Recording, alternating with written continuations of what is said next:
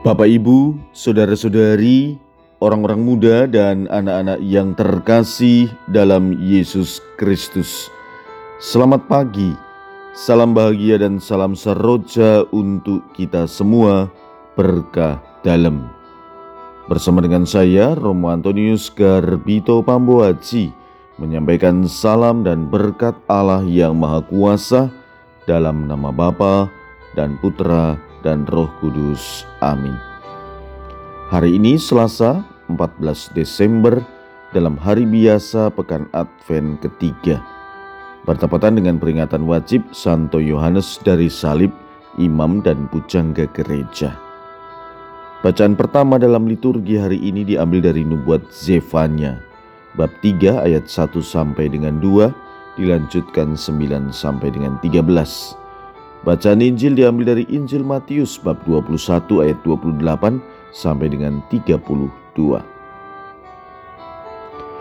Yesus berkata kepada imam-imam kepala dan pemuka-pemuka bangsa Yahudi, "Bagaimana pendapatmu?" Ada orang mempunyai dua anak laki-laki. Ia pergi kepada yang sulung dan berkata, "Anakku, pergilah bekerja di kebun anggur hari ini." Jawab anak itu, "Baik, Bapa." Tetapi ia tidak pergi. Lalu orang itu pergi kepada anak yang kedua dan berkata demikian juga. Dan anak itu menjawab, "Tidak mau." Tetapi kemudian ia menyesal lalu pergi juga.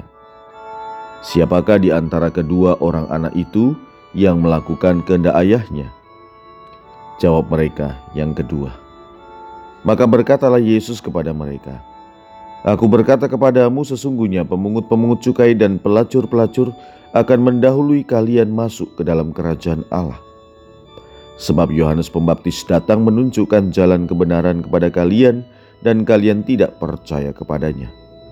Dan meskipun kalian melihatnya, namun kemudian kalian tidak menyesal dan kalian tidak juga percaya kepadanya. Demikianlah sabda Tuhan. Terpujilah Kristus. Sabda Tuhan hari ini mengajak kita kembali untuk melihat bagaimana hidup kita di hadapan Tuhan. Yesus menampilkan perumpamaan tentang dua orang anak Anak pertama menggambarkan mereka yang cepat sekali mengatakan "ya", namun ia menundanya, bahkan tidak melakukannya. Sedangkan anak kedua menggambarkan mereka yang bimbang dan ragu, bahkan cenderung menolak, namun pada akhirnya menyesal dan mengatakan "ya" serta melakukannya. Saudara-saudari yang terkasih dalam Yesus Kristus.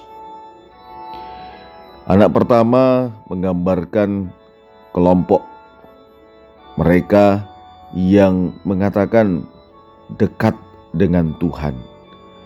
Mereka yang mengerti tentang ajaran-ajaran agama. Mengerti juga tentang warta pertobatan dan mengerti tentang banyak hal. Akan tetapi, pengertian yang mereka miliki tidak dapat menyelamatkan mereka karena mereka hanya sampai pada tingkat pemahaman atau pengertian, dan sama sekali tidak pernah mempraktekannya dalam kehidupannya. Berbeda dengan kelompok yang kedua, para pemungut cukai, perempuan sundal, dan para pendosa lainnya Kelompok ini bagaikan anak yang kedua yang awalnya menolak perintah sang ayah namun akhirnya menyesal dan melaksanakannya.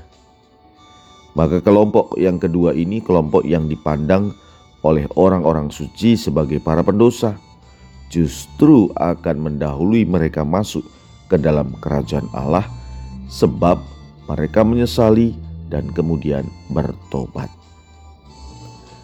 Saudara-saudari yang terkasih, mungkin dalam arti tertentu kita termasuk golongan yang pertama. Kita diajak untuk dengan rendah hati menganggap yang lain lebih utama daripada dirinya sendiri. Jangan hanya memperhatikan kepentingan diri sendiri, tetapi kepentingan orang lain pun juga harus kita perhatikan. Idealnya kita diharapkan menjadi anak yang menjawab, "Ya, Bapak, aku akan pergi bekerja di kebun anggur." Dan kita sungguh melaksanakannya, sehingga kita tidak membiarkan diri menyakiti orang lain atau menyakiti Bapa.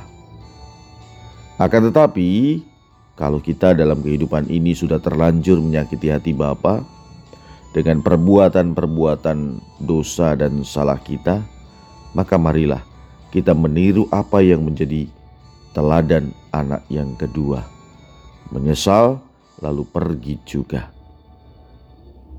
Marilah kita berdoa.